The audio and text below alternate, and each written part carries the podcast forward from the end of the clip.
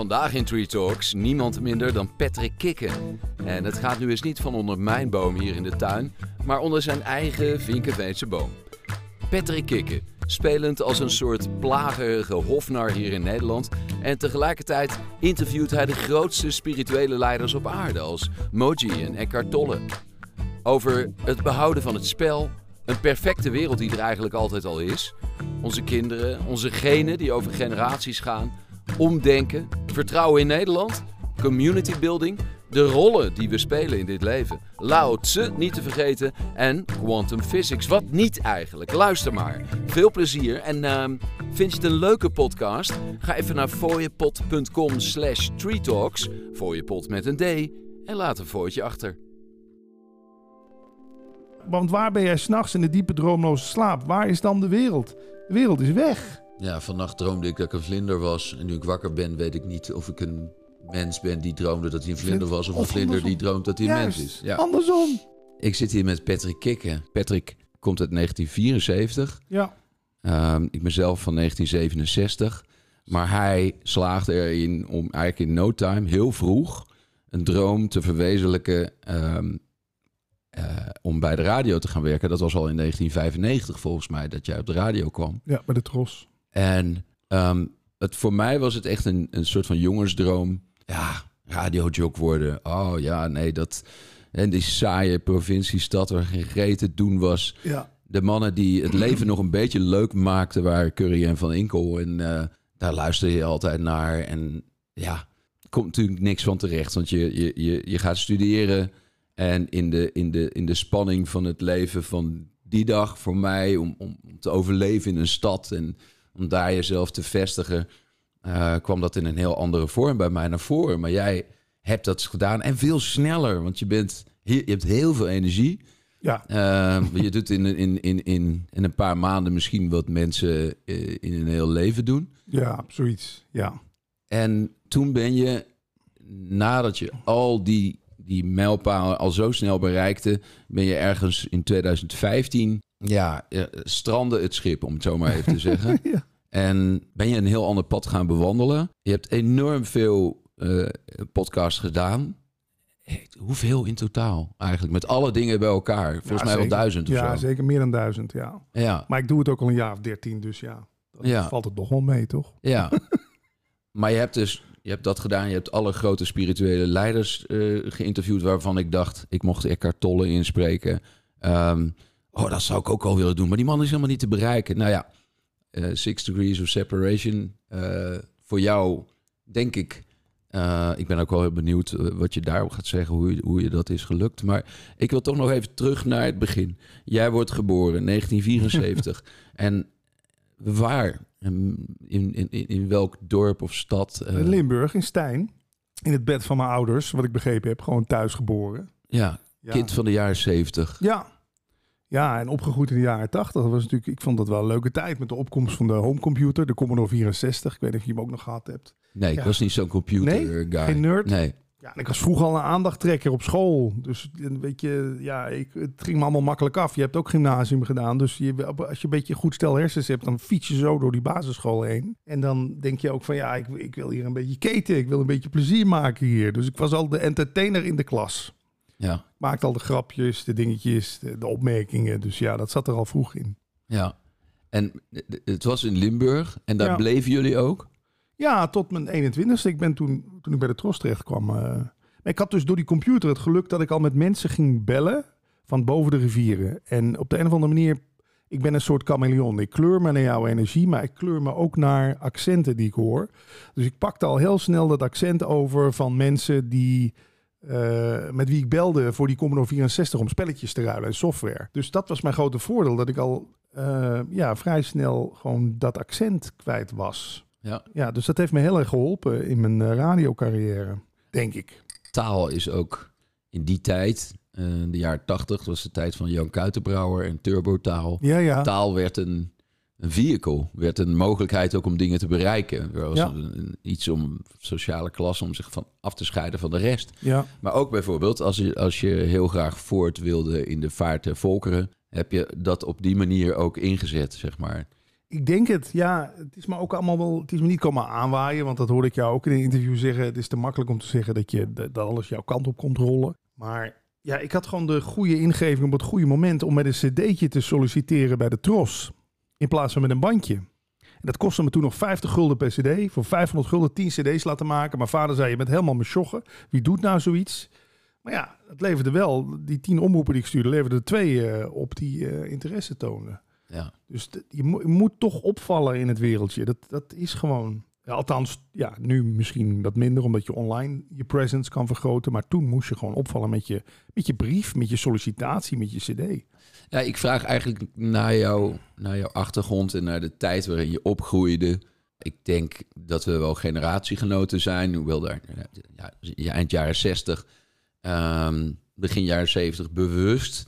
Um, dat het toch wel eens een beetje hetzelfde is. Je, je, je, we kwamen onder grote voorspoed ter wereld. Ja. Um, uh, de Concorde ging al vrij snel vliegen, waardoor we eigenlijk in een soort heel raar tijdsgevricht, waarin we niet eens ja, wisten of konden bevroeden wat ons allemaal te wachten stond, Juist, ja. uh, opgroeiden. We zitten onder die bomen. Mhm. en dat is een beetje waar ik die snelle wereld, uh, dat afgezet tegen op een gegeven moment uh, hit, hit rock bottom en ga, ga uh, ervaren hoe het is om te zijn. Ik wil dat heel graag een beetje in die wereld plaatsen. Om, om, juist omdat jij die hybride hebt gehouden, van dat je toch ook nog met radio bezig bent. Dat je heel veel uh, meningen, ook je hebt ook een spreekbuis en je bent ook nog steeds, ben je, ben je daarin, ja, sta je midden in die maatschappij. Um, Zo lijkt het, hè? Ja. Zo lijkt dat projecteer ik naar buiten toe. Maar eigenlijk, uh, ik ben het liefst zit ik hier, lig ik hier ook op de bank documentaires te kijken over mensen die uh, op een berg zitten in Tibet. Ja, en dat vind ik zelf zo mooi. Dat je toch, je kan op internet toch een soort. Hé, je hebt het woord persona, hoorde ik jou over. Ik heb bij mij is het altijd uitgelegd als ook als masker, waardoor het geluid vroeger harder in die, in die ruimtes te horen was. En ik zet online natuurlijk een bepaald masker op. Daar, pretendeer ik iemand te zijn. Maar als je de echte Patrick zullen we maar zeggen, van achter het masker ontmoet. Ja, dan kom je iemand tegen die veel fijngevoeliger is. En veel sfeergevoeliger. En helemaal niet die snelle jongen is die lijkt te zijn. Snap je? En dat Ja. vind ik er ook alweer grappig aan. Je kan op internet gewoon acteren Ja. dat je iemand bent. Ja. Ja, misschien is dat ook wel de enige manier om daar echt impact te maken. Tenzij je dan weer een spirituele leraar hebt. Jij stelt één vraag aan Muji en dan geef je een antwoord van een kwartier. Klopt. Weet je wel? Ja, ehm, dat wordt ons niet toegestaan in de soundbite-cultuur. En dan moet je misschien wel dat masker op hebben. Wil je iets zeggen, dan moet je dat opdoen. En dan heb je heel snel de mensen bereikt. Klopt. Ja, En ja, gewoon echt ergens voor gaan staan. Ik bedoel, ik vind ook soms wel eens van dingen dit, maar ook dit. Maar ik kies dan gewoon in een column gewoon, nou, ik vind dit. En dan ga ik ook alles erbij halen, Jan en Alleman, om dat te bewijzen dat het zo is. Stelling nemen, weet je wel? Heel, Mm. ja, het is, het is heel... Fel is niet eens het goede woord. Het is zelfs een beetje agressief. Ik heb dat zelf ook wel door. Maar ja, die man waar spreekbaars van is, ziet dan weer zo'n piek in de bezoekcijfers. Zo. Het is toch... Mensen gaan bij een auto-ongeluk staan kijken. Dat is... Snap je een beetje wat ik bedoel? En ja, ik heb soms, soms ook wel eens... ik denk, Ja, ik moet toch eens wat genuanceerder worden. Maar dan schrijf ik een wat genuanceerdere column. En dan, en dan reageert er niemand op. Weet je wel? Dus het is net alsof je gewoon echt moet zo... Iemand echt moet prikken zo. En dan komt die reactie. ja. En ik vind het ook wel weer een leuk spelletje om te doen. Zolang het niet echt mensen kwetst of, of, of gekke eh, ge- gevolgen heeft. Dat iemand echt eh, je komt opzoeken thuis. Nee. If it doesn't har- harm anyone. Ja. Echt. Hè? Ja. Dus in die zin ben je eigenlijk daar gebleven waar een deel van jouw persona altijd is geweest. Namelijk in dat etherische van, van hè, de soundwaves van radio. Ja. Van daar waar je maar in een fractie even iemand te pakken kunt krijgen en, en die impact kunt maken. Ja. Ja, Iemand inderdaad echt even aanraken. En een emotie eh, evoken, zeggen ze dan in Amerika. Evoke an emotion, ja. Dat wil jij denk ik toch ook. In, die, in, die commercials die je inspreekt van 20, 30 seconden... is volgens mij jouw grootste opdracht is toch ook... ja, mensen raken gewoon met Mhm. wat je zegt. En, en vooral dat gevoel oproepen wat, wat bij dat merk hoort. Nou, ja, ik, ik vind irritatie en, en, en boosheid... Ja, dat mag ook wel eens. Dat, dat hoort er ook bij. Dus dat mag door een stuk tekst ook aangeraakt worden. Zolang het maar niet pers, ja, dat ik per se jou wil kwetsen of zo. Daar, daar ligt voor mij wel, denk ik, de grens. Beetje plagen mag wel. Ja, beetje humor. Ja, tollen. beetje jezelf niet te Ja, serieus nemen. ook jezelf inderdaad af en toe te kakken zetten. En andere mensen die zichzelf wel serieus te serieus nemen. Even. Even, de maat nemen en even op hun plaats zetten. Ja. is, is denk ik in het Hilversumse mediawereldje ook wel een beetje nodig. Je hebt er ook rondgerend, je weet wat voor een poeha het allemaal is. Iedereen houdt zich met iedereen te vriend, want anders kost het je misschien je volgende opdracht. Nou, ik ben daar inmiddels een soort van onafhankelijk van. En dan wil ik ook eens even laten zien, jongens, je hoeft je niet met iedereen te vriend te houden. Als je iets vindt, zeg het gewoon. Dat Ja. is ook een beetje mijn idee achter die columns. Is er niet ehm, een deel in jou wat het... eh, ja, je zet het dan aan wanneer je wil, maar Mhm. dat je het heel vaak niet meer wil en dat je het steeds vaker niet meer wil. Want als je naar de mensen als Muji luistert en je luistert daar echt goed naar, dan is het... Nou, ik heb toevallig nog datgene wat hij als laatste heeft gepost. Ehm, eh, want dan, dan, dan heb je zoiets van, oké, dit is vers. Ja? dat heb je dan nog wel. Afgaande op het interview wat jij met hem hebt gedaan. Hè, dan kwam ik echt ook heel erg op hem uit. Zul je zo ook nog zeggen waarom. Ja, ben benieuwd. naar. Ehm, maar hij zegt, wat hij bijvoorbeeld zegt is in je, in je beschouwen en in, je, in het, het afstand nemen van dingen en observeerder worden. Ja. Wat je ook met non-dualiteit eigenlijk als een kernbeginsel hebt. Blijf weg bij het persoonlijke. En dat is dan uiteindelijk ook ehm, waar ik van denk van ja, wil je dat dan ook nog wel? Want dat is wel persoonlijk. Zo gauw je in die sfeer zit van dit moet ik daarvan zeggen, want dit is wat ik, ja, ja. dat ik daarvan vind. ja. Ehm, ja, op een, op een bepaald moment. Daarom hebben die lui het ook zo weinig over politiek volgens mij. Omdat ze dat ook meer geen, geen reet meer interesseert. Ik snap wat je bedoelt. Ja, dat uitzoomen. Dan lijkt het alsof je eh, totaal een soort van eh, onafhankelijk wordt van wat er gebeurt in de wereld. En er niks meer van vindt en zo. Ja, je zou het de ik-kramp kunnen noemen, waar je weer in, inschiet. Hè? Maar zolang je het ziet gebeuren, ja, vind ik er vrij weinig mis mee. Ik bedoel, het is eigenlijk hetzelfde als als ik aan jou nu vraag: we gaan samen een toneelstuk spelen. Jij speelt nu de good guy, ik speel de bad guy. Jij speelt de politieman, ik speel de dief. Iets in ons herinnert zich nog altijd dat wij, jij bent geen politieman, ik ben geen dief. We doen even alsof we dat zijn, snap je? Ja, en dat, dat vind ik er dan leuk aan. Ik doe dan echt weer even alsof ik Patrick Kikker, de vlijmscherpe columnist ben. En maar ik heb, tuurlijk heb ik er ook wel van dat ik dan soms dan, dan achteraf denk, oh.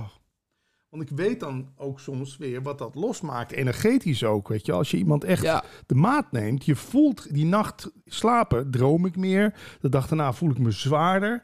Je, vo- je voelt het. dus je wil er eigenlijk misschien wel steeds meer van wegblijven. Ja, nou, ik, ik ben er wel anders in aan het worden. Maar ik vind het toch ook nog steeds wel leuk. Ja, sorry.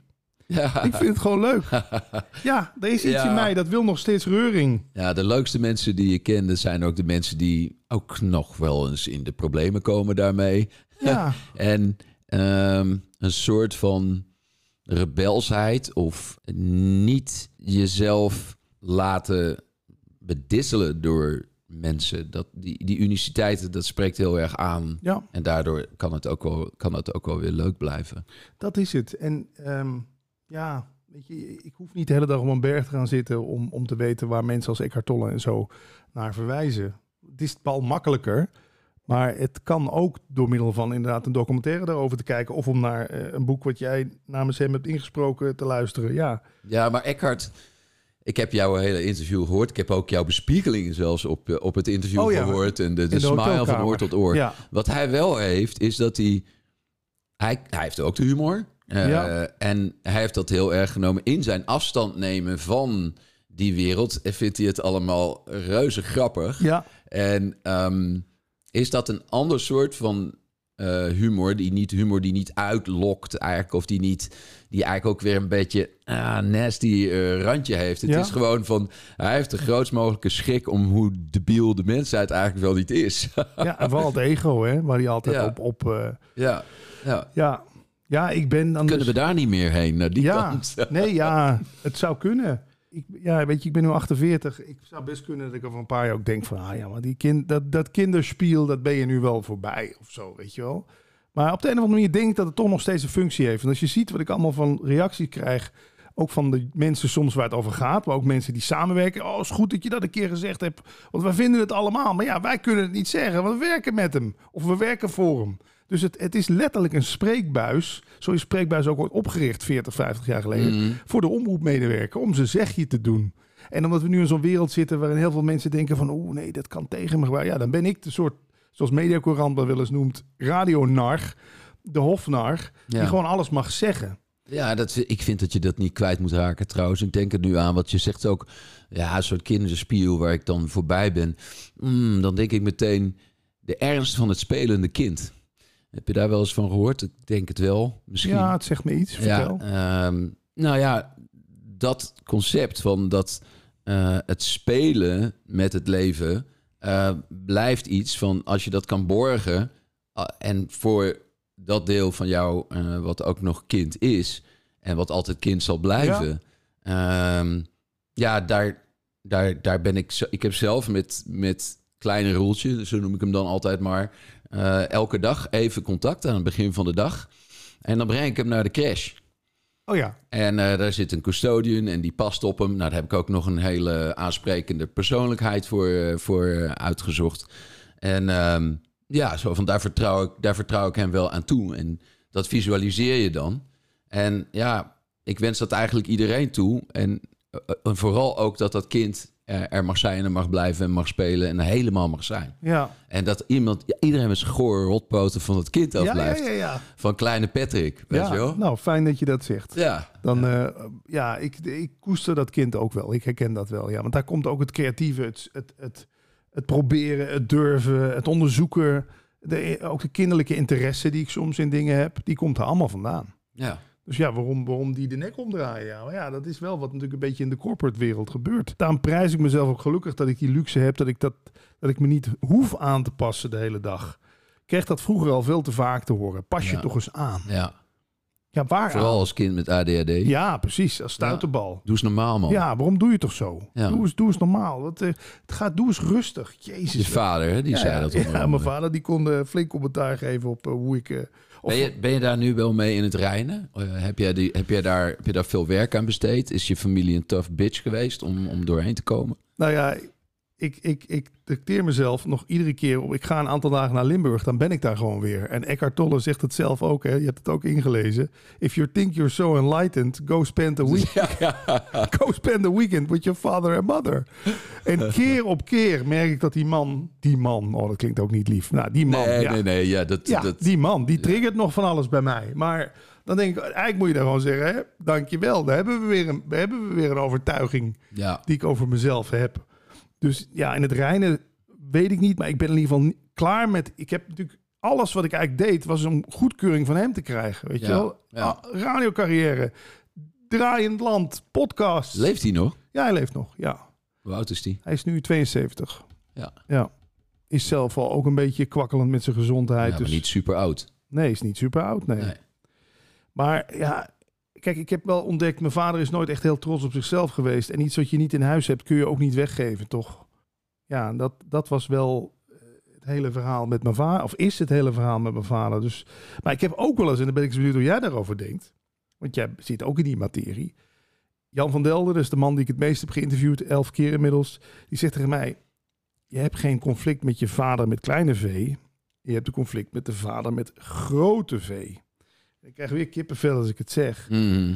Weet je, er wordt in bepaalde stromingen, dat weet je ook, wordt gezegd, we hebben ons, we hebben, we wanen ons afgesplitst van de bron, van God, zullen we maar zeggen. We zijn, we zijn ons eigen spelletje gaan spelen, we zijn ons eigen feestje gaan vieren. Maar we willen wel de goedkeuring van de vader, zullen we maar zeggen, van het alomvattende, dat we het goed doen. Maar ja, die zullen we eigenlijk nooit krijgen, omdat we ons afgescheiden wanen. We zijn al lang veilig thuis in God, wordt dan gezegd. In de eenheid. En wat je hier ook doet, of je nou tien keer de marathon rent, of je nou honderd keer die berg beklimt. Voor, voor God, zullen we maar even zeggen, het is een beladen woord, ik weet het, is het al lang goed. Want jij bent in God, je bent in liefde. Je hoeft, niet te je, hoeft je niet te bewijzen voor Mhm. hem. Mhm. En ja, toen ik dat hoorde, dacht ik, dat zou wel eens waar kunnen zijn. Ik, ben, ik heb een conflict met de vader met grote V. En ik projecteer dat op mijn vader. Ik wil van mijn vader de goedkeuring. Nee, ik wil van mijn schepper de goedkeuring. Mhm. Kan je daar wat mee? Nou, ik denk meteen, dan, eh, dan krijg je wel een eh, stevige rekening onder je neus geduwd. Want eh, wij hebben er natuurlijk met z'n allen een grote teringbende van gemaakt. Ja. En dan zou je meteen zoiets hebben, ja, I, I can never live up to it. Ja. En daarom voelden we ons schuldig. En, en dat krijgen we nooit weggepoetst in de wereld, zeg maar. Ja, en dat, ik, daarom snap ik ook al die godsdiensten wel. En, en, en hoe, die, ja, hoe, hoe daarnaar gebeden wordt. Hoe daar, maar inderdaad, ja, practice what you preach. Laat het ook zien hè, in, je, in je gedrag. Maar nou, dat heeft mij wel geholpen. Ik ben gestopt met mijn vader langer te zien als grote schepper die mij moet zeggen dat ik goed genoeg ben. Want Ja, dat ja. krijg ik toch nooit voor elkaar bij hem. nee. En zien jullie elkaar? Ja. Ja. En dan is het de hoogste vorm van intimiteit die ik met mijn vader heb. Kun je kun je, je hand eens uitsteken? Ja. Die, die geeft me dan zo een hand zo. Ah nee. Oh, dat vind ik altijd zo vervelend. Of als iemand mij een hand geeft en dat dan die, die vingers handje. ertussen zit. Oh. Godverdomme, ik had mijn hand verder willen goede, uitsteken. goede hand gewoon. ja, zeker. Ja, ja dat, dat, dat heeft dan zijn, zijn plek. En daar kun, je, daar, daar kun je dan gewoon accepteren op een gegeven moment. En ik wil er nog een toevoegen als je het goed vindt. Ik heb van Alexander Smit, ook zo'n leraar, hij leeft niet meer. Die zei altijd, in het lelijke zit het mooie al opgesloten. Was ik opgegroeid met een vader die iedere dag tegen mij had gezegd hoe fantastisch hij me vond, hadden we waarschijnlijk niet zo gezeten nu. Dan had ik niet zo mijn stinkende best gedaan om... Dreverhaven. Ja, ja, nee. karakter. Ja, nee, maar dat is het Ja. echt. Ik zie het toch gebeuren ook met meiden die, die enes kind zijn, die vanaf kinds af aan gepamperd worden als prinsesje. Daar komt regelmatig niet gek veel van terecht. Die denken, ja, wat zou ik dan moeite doen om... om Ik denk dat al onze kinderen bijna nu zo worden opgevoed. En ehm, ja, als je met je buren zit en ze kijken heel eerlijk naar zichzelf. En ze eh, bespreken met mij waarom hun kind geen ene fuck doet in huis. eh, dingen laat staan. Zelfs als ze er geld mee kunnen verdienen. Zoiets hebben van, nou ja, weet je wat, laat maar zitten. Want Ja. eh, ze, doen het, ze lossen het toch wel voor Ja. me op. Ik denk dat in 90% van de Nederlandse huishoudens het op dit moment zo is. Ja, En dat is ook, dat is ook een soort van scheefgroei, denk ik, in hoe in wij wel zijn omgegaan met de tijdgeest en hoe we dachten dat we het goed deden. Ja. Want daar, daar mogen we echt wel eens in kijken van hoeveel daarvan was nou eigenlijk oprecht dat je het meent dat die persoon het goed doet of dat jij het makkelijker hebt en je zegt ze krijgen meer luxe, Ja. daardoor heb ik meer tijd en eh, papa en nat weet je wel, we zijn en daar ben ga ik ook niet vrij uit. Heb jij kinderen? Ik heb een dochter, ja. Die is bijna 14. Ja. Woont, Ja. Bij, de, woont bij de moeder en de stiefvader. Maar ja, daar, vind ik mezelf juist degene die een beetje op de rem moet duwen. Want ze ging naar gymnasium, maar ik zag aan dat ze gewoon die talen, dat trok ze voor geen meter. En dan was ik ook de eerste die zei van, joh, weet je, toch wel van, ja, dan ga je toch naar VWO, weet je wel. Ik ben niet, ik, omdat ik, ik, ik kom ook uit een hele perfectionistisch gezin. Hè? Misschien dat daar mijn vader ook nooit zei van eh, top. Mijn vader was, had altijd wel iets op aan te werken. Ken je dat? Dat je denkt, ah, doe ik het dan nooit 100% goed? Hmm. Ja, dat wil ik niet doorgeven. Hmm. Je hebt een zoon van 22, geloof ik, hè? Ja, Ja, ja. Ik ben heel trots op hem. En eh Marijn is echt zo'n soort rol 2.0. ja, Ik heb hem eigenlijk altijd eh, gezegd, jongen, ik ben niet de vader die, die zegt, ik, ik put je uit, ik, eh, ik zal godverdomme, ook Ja. al ga ik half kapot, dan moet je eerst nog langs mij heen.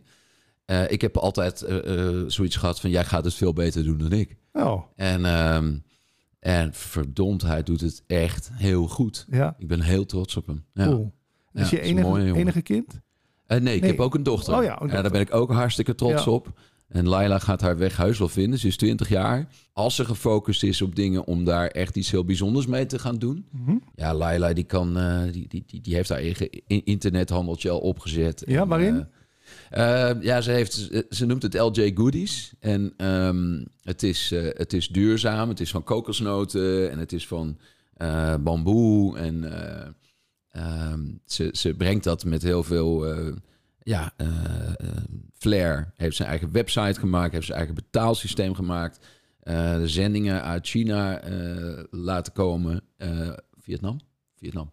Ehm, en eh, dat duurde alleen wel erg lang. Ja, dat was... En het is heel veel en het hele huis staat vol. Oké, ja. Maar ze maakt een begin. Ze gaat creatieve Dat studies doen nu in, eh, in september. Dus daar ben ik ook heel trots op. En jouw dochter? Ja, Ja, want zij is 14. ja, Wat doet zij? ja, wat ik zeg, VWO.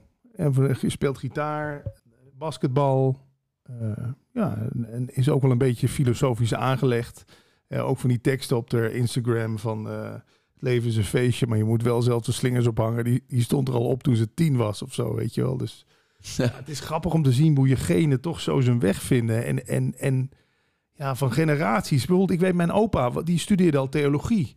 Weet je wel, en daarom is het ook, vind ik het ook niet gek dat ik zo'n spirituele zoektocht achter de rug heb. Dat is eigenlijk gewoon, dat heeft mijn vader overgeslagen. Maar het is via mijn vader, door mijn opa, weer bij mij terechtgekomen. Ja. Geloof je daar niet ook in dat je gewoon toch op een bepaald stuk gewoon geprogrammeerd bent voor, een, voor interesses? Ik bedoel, ook die muziek zit al bij ons in de familie al heel lang. En we, oom en tante hebben singeltjes uitgebracht. Mijn broer is disjockey. Dus ja, je, je, je krijgt toch wel veel mee al. Ja. Alleen ja, durf je, het, durf je het te doen?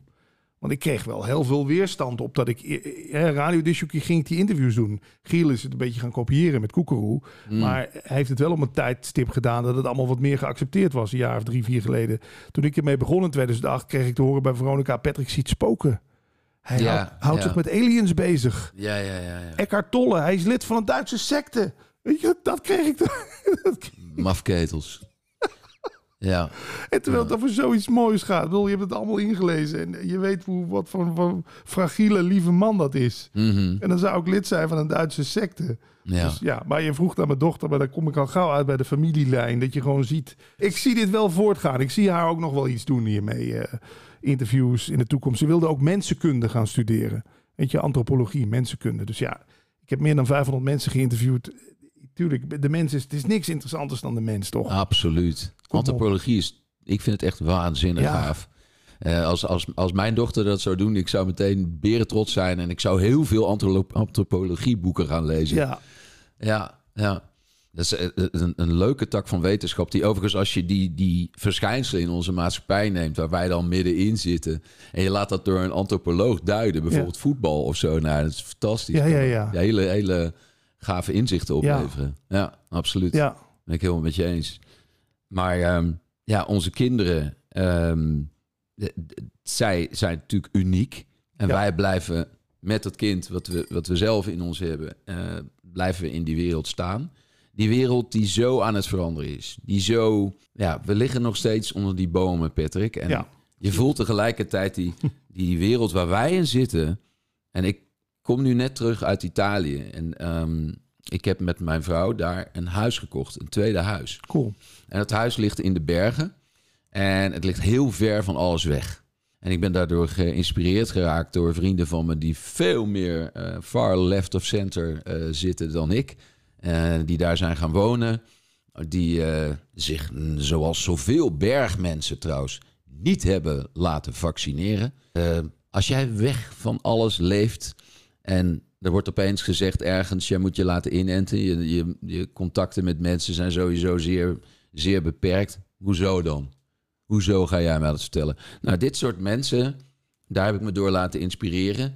En eerst vond ik het te ver, want het is echt wel nou, een kwartier rijden voordat je bij een plek komt waar je wat kan Ja? kopen of zo, Oh, ja. weet je wel. En dan ga je echt de bergen in en dan kom je bij dat huis. Ehm, de eerste keer zag ik het in april. Toen had ik zoiets, het is te ver. En ik kan hier ook niet als, als nou, nou, Patrick Kikker, die, die, die, lijkt wel wat om even helemaal weg te zijn van de wereld. Kan ergens in Schotland gaan zitten in een huisje. Maar het kan ook in Italië. Dat doet hij niet, want ja, de weg zit vol gaten. Het is nog eh, ijsachtig en koud. En mm, ik vind het zelf eigenlijk ook wel eh, een gedoetje. Ehm, en toen kwam ik er terug in de zomer. Terwijl mijn vriend Paulo, die daar, die zei: Ik wil het liefst zo ver mogelijk van alle mensen zitten. En van de hele. Ja, als jij een huisje in Zwitserland wil, joh, waar je een asfaltweg hebt die daar naartoe leidt. Be my guest, weet je wel. Maar ik vind dit interessant. Ja. Ik vind dit mooi. En ehm, dat gevoel, daar zit ik nu ook wel heel erg van. Als je daar bent, en je bent daar bijvoorbeeld een paar weken. Hoe, ja, hoe, hoe heftig dat leven hier is. Ik zeg het niet als dualiteit van ik wil dat niet meer. Want ik hoor ook bij die wereld. Ik ga graag naar de stad. Ik ga graag uit. Ja. Ik eh, ga, Je, je woont in, op Eiburg, toch? ik woon op Eiburg. Ja. Ik ga nog graag naar feesten. En eh, ik heb daar eh, leuke vrienden en vriendinnen. En, maar daar is het wat anders. Daar is het echt van... Daar zijn, in die bergen zijn... Ik heb ook achter, ben erachter gekomen dat ik wel een bergmens ben. Is een soort van... Ik, wat, wat fijn dat ik hier mag zijn. Ja. En eh, ja... Nee, ik, geloof, ik snap dat wel. We Kijk, eh, we leven hier in een soort hypnotisch veld van de personen in Nederland. Misschien is dat wel wat jou daar zo bevalt. Jij hoeft daar even geen roel te zijn, hè? Nee. Kijk, hier in Nederland, ja, of in Nederland überhaupt in, in de wereld, de drukke wereld. moet je je verhouden tot anderen. En daarvoor moeten we toch weer dat, ja, een beetje, ik noem het harnas, maar dat klinkt wat te zwaar, jasje in ieder geval aantrekken. En je moet iemand zijn. Je, je hebt taken, je hebt je te verhouden tot mensen. En op zo'n vakantieplek, ja, daar kun je gewoon even, denk ik, één worden met wat er is. En, en dat, wat Eckhart noemt, dat presence, dat, dat ervaar je dan helemaal. Dat helemaal gewoon aanwezig zijn zonder iets op te hoeven houden. En Nou dat, ja, en wat houden we daarvan vast? Hè? Want je zegt, je moet je verhouden tot mensen. Ik ben daar ook heel erg mee bezig. Eh, de rollen, ja, de rol van Roel als eh, vriend, de rol van Roel als vader, de rol van Roel als stemacteur of als liefhebber van mevrouw. ja. Eh, en- en- buurman, noem het allemaal maar op. Ja, ja. Ja. dus, dus ehm, hoe... Nou ja, ik, ik zie hier al de hele tijd dat ding voor. Nee, nu is hij niet weg. Oh, maar dat, ik, jij hebt hem meegenomen, ik ben hem niet vergeten. Ja? Gebruik jij meer je mind of gebruik je meer je hart? Volg je meestal je hart of je hoofd? Ja, staat voor je meestal je hart of je hoofd. Ja, En toen zat ik te denken, omdat er best wel veel heavy shit is, wat ik de afgelopen maanden was echt wel een rollercoaster Ja. ride, eh, ben tegengekomen. Ehm, denk ik, ik heb mijn hoofd best veel gebruikt de afgelopen tijd, maar ik ben het wel, heb het wel gedaan en wil het ook zo blijven doen, want we hebben een hoofd en dat moet je ook gebruiken om mijn hart beter te kunnen gebruiken. Ah, ja, ja, zo ja. Ja, ja dat, we hebben de dienstmeid hebben we op de troon laten zitten, heb ik wel eens iemand horen zeggen. Wat bedoel je? Wat Ja, bedoelt hij daarmee? Nou dat de intelligentie de boventoon is gaan voeren, het intellect. Terwijl het intellect hoort inderdaad in, in dienst te- te staan van jouw hele wezen, toch? ja.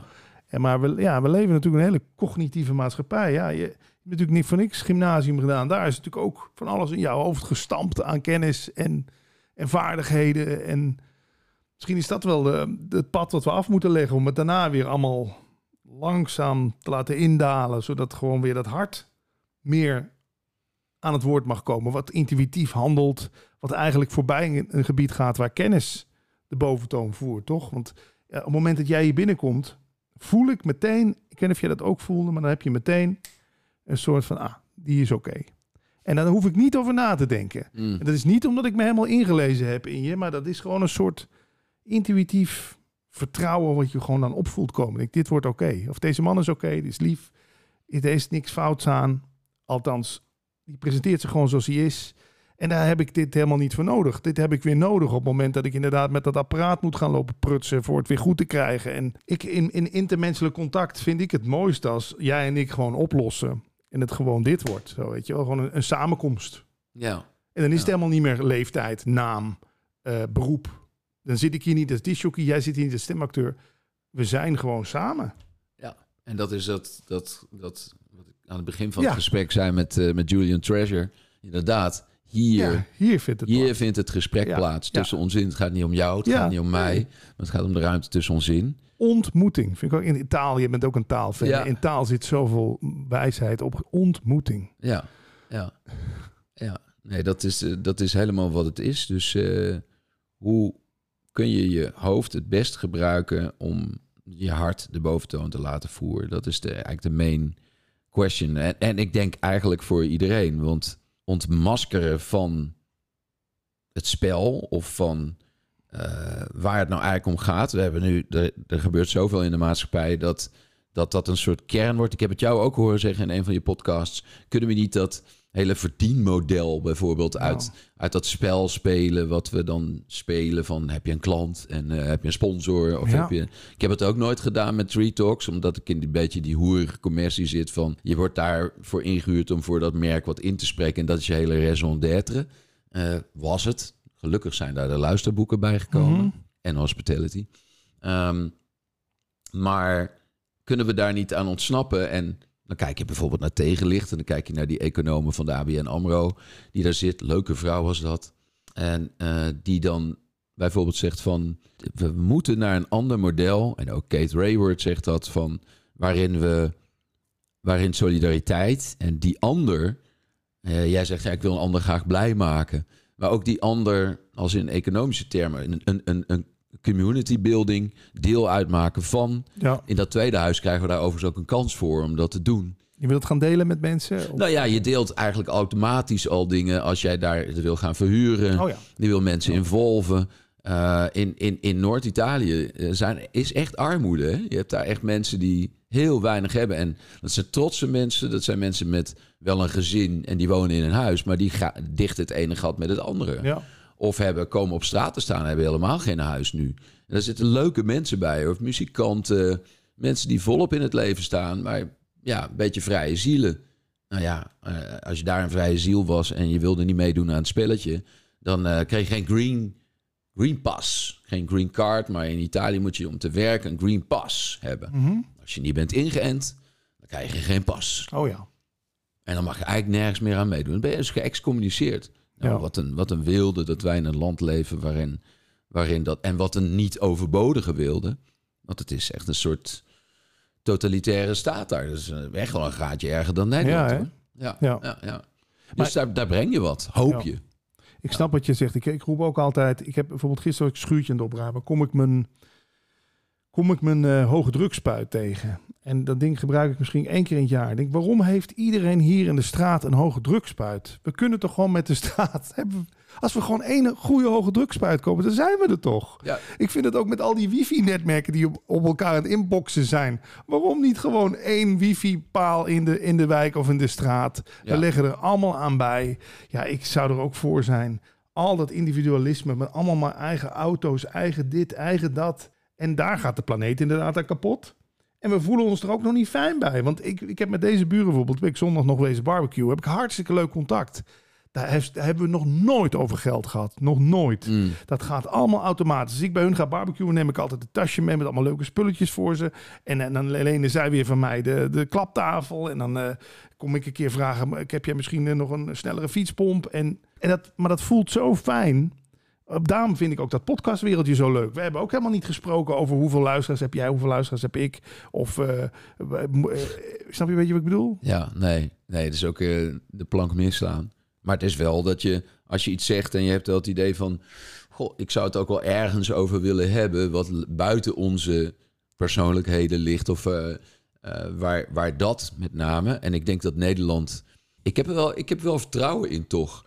Eh, want Nederlanders zijn wel een soort van... hebben een soort van...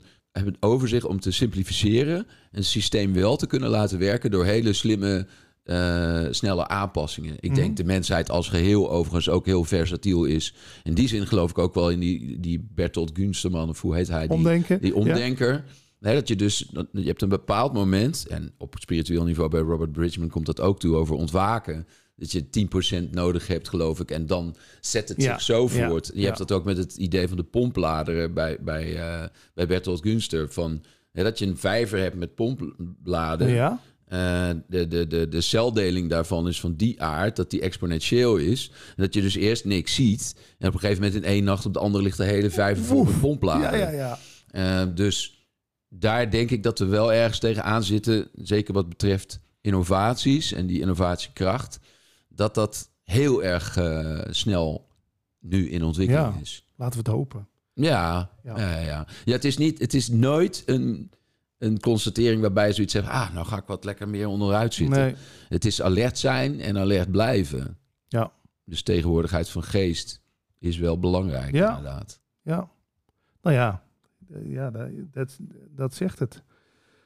Ja, je aandacht, dat draait er natuurlijk in spiritualiteit ook allemaal om. Vind jij dat trouwens een vies woord, spiritualiteit? Of heb je daar, heb je daar wel iets mee? Nee, helemaal niet. Ik, eh, ik, ik denk wel dat termen, ehm, behalve de categorie van spiritualiteit, is gewoon een soort van, eh, als je dat beestje bij zijn naam noemt, dat is je hebt een spirit. Hè? En spirit staat ook weer heel erg los van, of tenminste is een soort overkoepelend iets. Damn, dan ga ik weer. Ehm, waar wat zoveel omvattend is dat het als je het is tegelijkertijd letterlijk heeft het naar terug naar adem, naar de basis van, van elke, elke ja, Oosterse religie zeker, maar inspiraren, letterlijk eh, de, de, de- iets bezielen. Ja, Eh, ja, bezieling. en, en, en dat komt door adem, door re- res, respireren. Ja, ja, ja. ja. Dus ehm, ja, dat, daardoor komt dat allemaal bij elkaar. Dus ik vind dat helemaal geen, geen raar begrip. Nee. Oké. Ja, want ik ga straks natuurlijk ook nog wat met jou opnemen voor de podcast. Leven zonder stress. Of de Spreekbuis-podcast. Moet even kijken waar het, waar het gesprek zich naartoe gaat bewegen. Uh, en dat was een van mijn vragen die ik had voorbereid. Van, is spiritualiteit een vies woord voor je? Dus die komt, die komt nog een keer voorbij straks. Als je het goed vindt. Ja, nee, zeker. En dan gaan we, gaan we daar, daar ook even met Tree Talks... Terwijl we nog steeds, ja, ik lig die bomen en je hebt een strootje. En, eigenlijk is het zo van hoe mooi het, meest, het grootste geluksmoment van, laten we zeggen, de afgelopen maanden was dat ik met een paar vrienden, nou stel dat we in beweging komen, we zitten een beetje in uh, de uitlopers van de, van de bergen. En um, we maken een wandeling van een uurtje of drie. En we stijgen steeds meer, we stijgen steeds meer. En we komen op een hoogvlakte. En dat moment had ik met, met Dianne en met Paulo met z'n drieën, wij liepen daar en dan kom je daar en dat, dat is echt, dat is zo mooi. Um, uh, daar, daar, daar heb je alleen nog maar koeien en je hoort die bellen. Ja, ja. je hebt nog wel grasland. En dan lig je in een soort van bekken en je kijkt helemaal uit over het dal. En daar zie je Turijn liggen, 100 kilometer verderop. Dat zie je gewoon vanuit die punt, dat het oh. zo ver is. Cool. Of zo hoog is, dat je dat kan zien. En um, daar ga je gewoon liggen. En dan val je gewoon in slaap. En dan word je na, nou, de ene is na drie kwartier wakker en die, die ligt een beetje wat te drinken of zo, of nog even wat te eten. Hoe fijn is het om gewoon te zijn, weet je wel? Ja. Daar te zijn. En dat is echt helend. Ik heb het ook over bosbaden. Uh, dat heb je dan ook. Hè. Daar is ook wetenschappelijk bewijs van. Dat als jij een bosbad neemt, dan schijnen er dus stoffen in de lucht te zitten. Dat noem je terpine. En die maken hormonen aan in je lijf die jouw levenskracht geven. Oh, wat fijn. Dus daar is ook nu echt wetenschappelijk bewijs voor. Op die plek daar waar jij dat huis gekocht hebt. Oh, dat is een bijzondere plek dan. Hoe, hoe, hoe zoek jij het natuurlijke deel van jezelf? Is dat alleen door bijvoorbeeld meditatie of uh, neem je supplementen? Want dat wat is voor jou? Heb je rituelen? Ga je. Nou ja, ik, ik wandel hier achter graag. Je, komt, je bent hier vrij snel in een soort natuurgebied waar vroeger een spoorrails uh, liep, maar wat nu uh, gewoon een wandelgebied is geworden. Ja, ik ben vooral toch bezig met geestelijke reiniging, als ik het zo mag noemen. Kijk, dat wat in de wereld gebeurt is natuurlijk het ego in optima forma. Ik bedoel, als je je eigen ego onder ogen krijgt, dan zie je eigenlijk in de wereld gereflecteerd dat, dat dat gevecht tussen goed en kwaad, dat blijft maar doorgaan. Hè. Het is natuurlijk de basis voor ieder verhaal, ook de basis voor iedere film. Goed, kwaad. Nou, laten wij dat nou, laten we ervan uitgaan dat we dat allebei in ons hebben. Geen, geen enkel mens heeft alleen maar goed of kwaad. Tenminste, zo. Sowieso. Ja. En als je dat in jezelf durft te erkennen, ja, dan, dan maakt het kijken naar de wereld toch een stukje makkelijker. Want dan zie je gewoon, ja, daar wordt datzelfde gevecht uitgevoerd. wat ik uh, een jaar terug had met mijn buurvrouw. Over, over de schutting die iets te veel mijn kant op helde of zo. Snap je ik bedoel? Is dit in het klein, daar in het, in het groot. En daar dan toch, hoe raar het ook klinkt, de onschuld van in kunnen blijven zien. Dan komen bij non-dualiteit. Kiezen die mensen er werkelijk voor om oorlog te maken? Of ontstond dat ook op een bepaald niveau? Snap je? dat, dat is wat in non-dualiteit natuurlijk beweerd wordt. Dat, dat de dingen ontstaan in ons. Dat we eens even voorbij moeten aan de schuldvraag. Willen we de dingen kunnen oplossen? We zijn natuurlijk altijd alleen maar bezig. Goed, fout. Maar het is, het is nooit zo zwart-wit, toch? Het is altijd goed en fout. En daar een combinatie van goed en fout die net iets doorslaat naar die kant. Snap je wat ik bedoel? Ja, ik, zit er wel met, met, met, met interesse naar te luisteren van jouw definitie van non-dualiteit. Ehm, omdat het iets. Het heeft iets niet beoordelens of oordelens, waardoor je, hoe jij het beschrijft. Mhm. Van dat, want als je zegt oorlog is iets wat ontstaat, oorlog is iets wat ontstaat. Probeer daar eens, probeer daar eens naar naar te denken. Dan zie je dus. Nee, maar het is natuurlijk. Het denken is altijd in tegenstellingen. Weet je, bijvoorbeeld vrije wil is zo'n leuk onderwerp in non-dualiteit. Ik dacht ook altijd van. Nou, er komen mensen me toe die zeggen: er is geen vrije wil. Ha, ik weet het eindelijk. Er is geen vrije bestaat niet. Toen kwam ik iemand tegen en eigenlijk Muji zegt hetzelfde. Er is, er is wel en geen vrije wil tegelijkertijd. Nou, probeer daar maar eens met je denken grip op te krijgen. Weet je, denken raakt dus kortsluiting. Het kan niet wel en niet tegelijk. Dat kan niet de paradox. Nou, dan, dan roepen al die non-dualiteit ook. Er is wel en geen wereld tegelijkertijd. Ja, dan kun- daar kun je even helemaal van flabbergasted raken. Maar mij brengt het wel Mm. op een plek van binnen Mm. wat gewoon oordeelloos is. Oké, dus die wereld is er tegelijkertijd wel en niet. Die oorlog is er tegelijkertijd wel en niet. Huh? Ja, wat kan je daar dan mee in het dagelijks leven? Nou, het brengt mij rust. En laat het dan over 50 jaar blijken dat het allemaal complete kwatsch is geweest. Ja, ik hou van mensen die dat, die dat soort dingen durven te zeggen. Misschien nemen we die wereld ook gewoon veel en veel en veel te serieus, Roel. Misschien is er een bepaald niveau in ons wat weet van dit is misschien ook een soort droom die zich afspeelt. Waarin, waar, waar wij onderdeel van zijn. En die op een gegeven moment weer oplost. Want waar ben jij s'nachts in de diepe droomloze slaap? Waar is dan de wereld? De wereld is weg. Ja, vannacht droomde ik dat ik een vlinder was. En nu ik wakker ben, weet ik niet of ik een mens ben die droomde dat hij een vlinder was. Of, Of een vlinder die droomt dat hij een mens is. Ja, Andersom. ja Laut. Ja, we weten het. Maar ik krijg weer kippenvel van als je dat zegt. Want Ja. het zou net zo goed andersom kunnen zijn. Nu zijn we aan het dromen. Vannacht zijn we wakker. Het zou kunnen, hè? Ja, nou ja, ik krijg, krijgen in kwantumfysica krijgen we boven- bijvoorbeeld ook steeds meer dat deze theorieën, de, de NRC-podcast die, eh, die praat daar heel mooi over. Ehm, daar zit op een gegeven moment een natuurkundige en die man is een raar accent, is erg grappig, want het is ook een soort tovenaar daardoor die, eh, die zit te praten, maar die, die legt dit dus uit. Ja. En dat het er nu in de wetenschap ook echt zo is. Eh, en dat, er daar, dat je daar bevestiging van krijgt. Ja. Hetzelfde als je zegt de turbines die werken. Is dit zo van het leven, zoals je dat de hele tijd met die goeroes aan het bespreken bent. En al duizenden jaren. Want de Mujis van deze wereld die ze- zeiden dat toen ook al. Ja. Want dat zijn mensen die het zien, die het, die het voelen, die daar helemaal zijn. Ehm, dat krijgt nu echt, zeg maar, ja, dat krijgt een soort van keurmerk, want het klopt. Ja. Ja, Dat dat een deeltje er wel en niet tegelijkertijd kan zijn. Of een deeltje kan ook op twee plekken tegelijk zijn, hè? Ja, ja ik, vind, ik vind de omschrijving van liefde...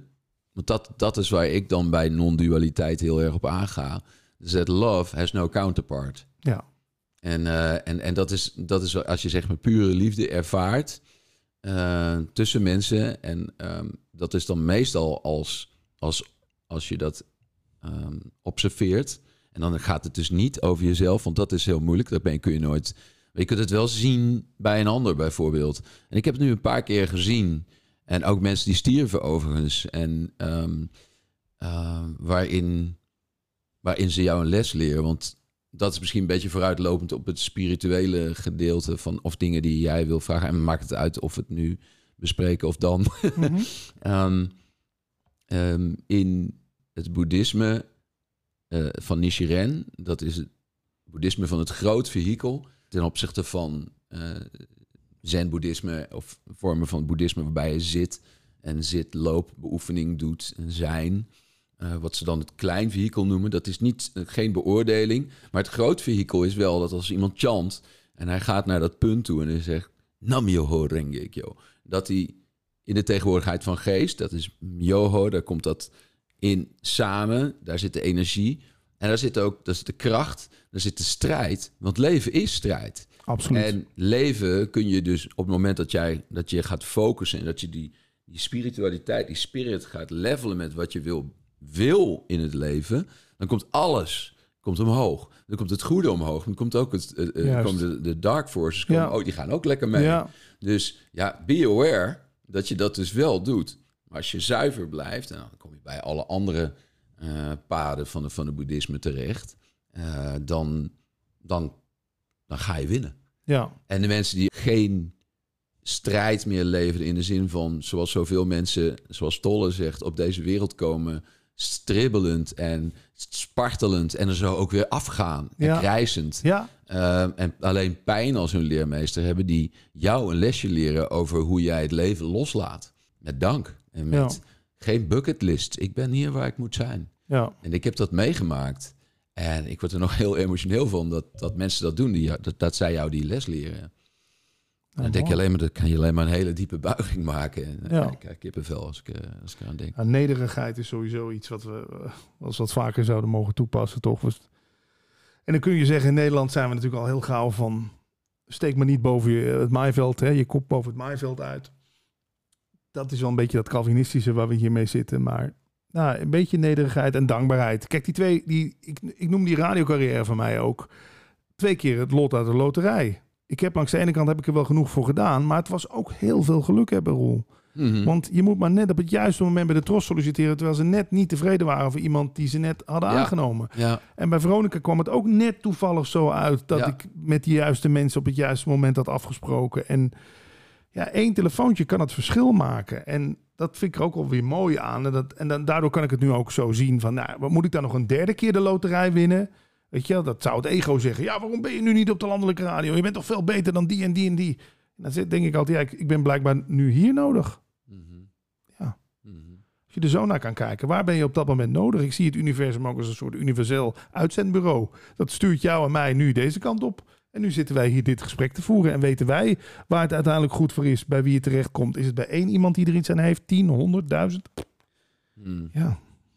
Als wij nou op die hoogvlakte nu liggen te praten en eh, we, we stappen weer op, we pakken ons boeltje weer bij elkaar ja. en we gaan langzaam ja, terug naar het dal, naar de, naar de wereld van, van de wereld waarin wij leven, de, Mhm. de wereld met de andere mensen. We zijn geen Zarathustra's, we blijven niet in de bergen hangen in Ja. de grot. Oké, wat, neem je, wat neem je mee? En als je zegt van nou, ik heb nu nog, eh, nou, noem maar wat, een mooi getal, 35 jaar of zo. Eh, niet gek, gezien de leeftijdsverwachting eh, en die gaat Ja. stijgen nog steeds en bla bla bla. Ook 83 geworden. Wat kun jij in die tijd en wat wil je nog graag doen op die gekke aardkloten waarop we allemaal even mee mogen draaien dan? Nou, ik heb nog veel cassettes liggen. Die heeft iemand me opgestuurd van Walter Keers. Dat is een beetje de, de Nestor van de non-dualiteit in Nederland. En die wil ik in ieder geval nog allemaal gedigitaliseerd hebben. Want dat vind ik materiaal waarvan ik denk, ja, dat die man die sprak daar zo. Die is in 85 overleden. Maar die, ja, die sprak daar zo. Die kon daar zo mooi over. Hij heeft ook een boek. Als een soort archivaar is van, Ja. van werk van iemand. van- Wauw, ja. wat, een mooie, Ja. wat een mooie opdracht die je zelf geeft dan. En dan, maar dan wil ik het ook. Weet je, het moet goed gedigitaliseerd worden. De ruis, ik ga proberen de ruis eruit te halen. Het zijn oude cassettes. En dan merk ik ook weer hoe fijn het is om met iets bezig te zijn waar de naam Patrick Kikker helemaal niet aan te pas komt. Ken je dat? Weet je wel? Daarom vind ik Leven zonder stress ook zo leuk om te doen. Vroeger had ik gewoon PK erbij staan. En niet eens Patrick Kikker, gewoon PK. Ik ga Mm. initialen. Het gaat Mm. om de geïnterviewde. En dan wil ik het ego buiten de deur houden. Ik heb nu lang genoeg geroepen van hallo, hier ben ik, zie mij, weet je wel. En dan merkte ik hoe fijn dat is om iets te doen waarbij jij gewoon inderdaad het instrument bent. Mm. En niet zozeer degene die daar ook meteen weer gedigitaliseerd door Patrick Kikker. Belangrijk dat dat erbij komt te staan. Nee, Ja. het, het, in het doen zelf zit al de beloning. Weet je wel? Ja, ja, Ja, daar, daar, dat, daarom verheug ik me er ook bijna op om dat dan weer te gaan doen. Ja, Patrick, mooie gozer ben je. Nou ja, jij en, ook. En je laat het gewoon zijn. En ehm, ja, zoals in, eh, in Kundalini yoga zeggen, it's not me, mother, it's you, it's, It's you. Ja, ja, fijn. ja. Dit is ook voor mijn moeder. Ah. Oké, Patrick, ik vond het een heel gaaf gesprek Ja. voor Tree Talks. Dankjewel. Jij ook.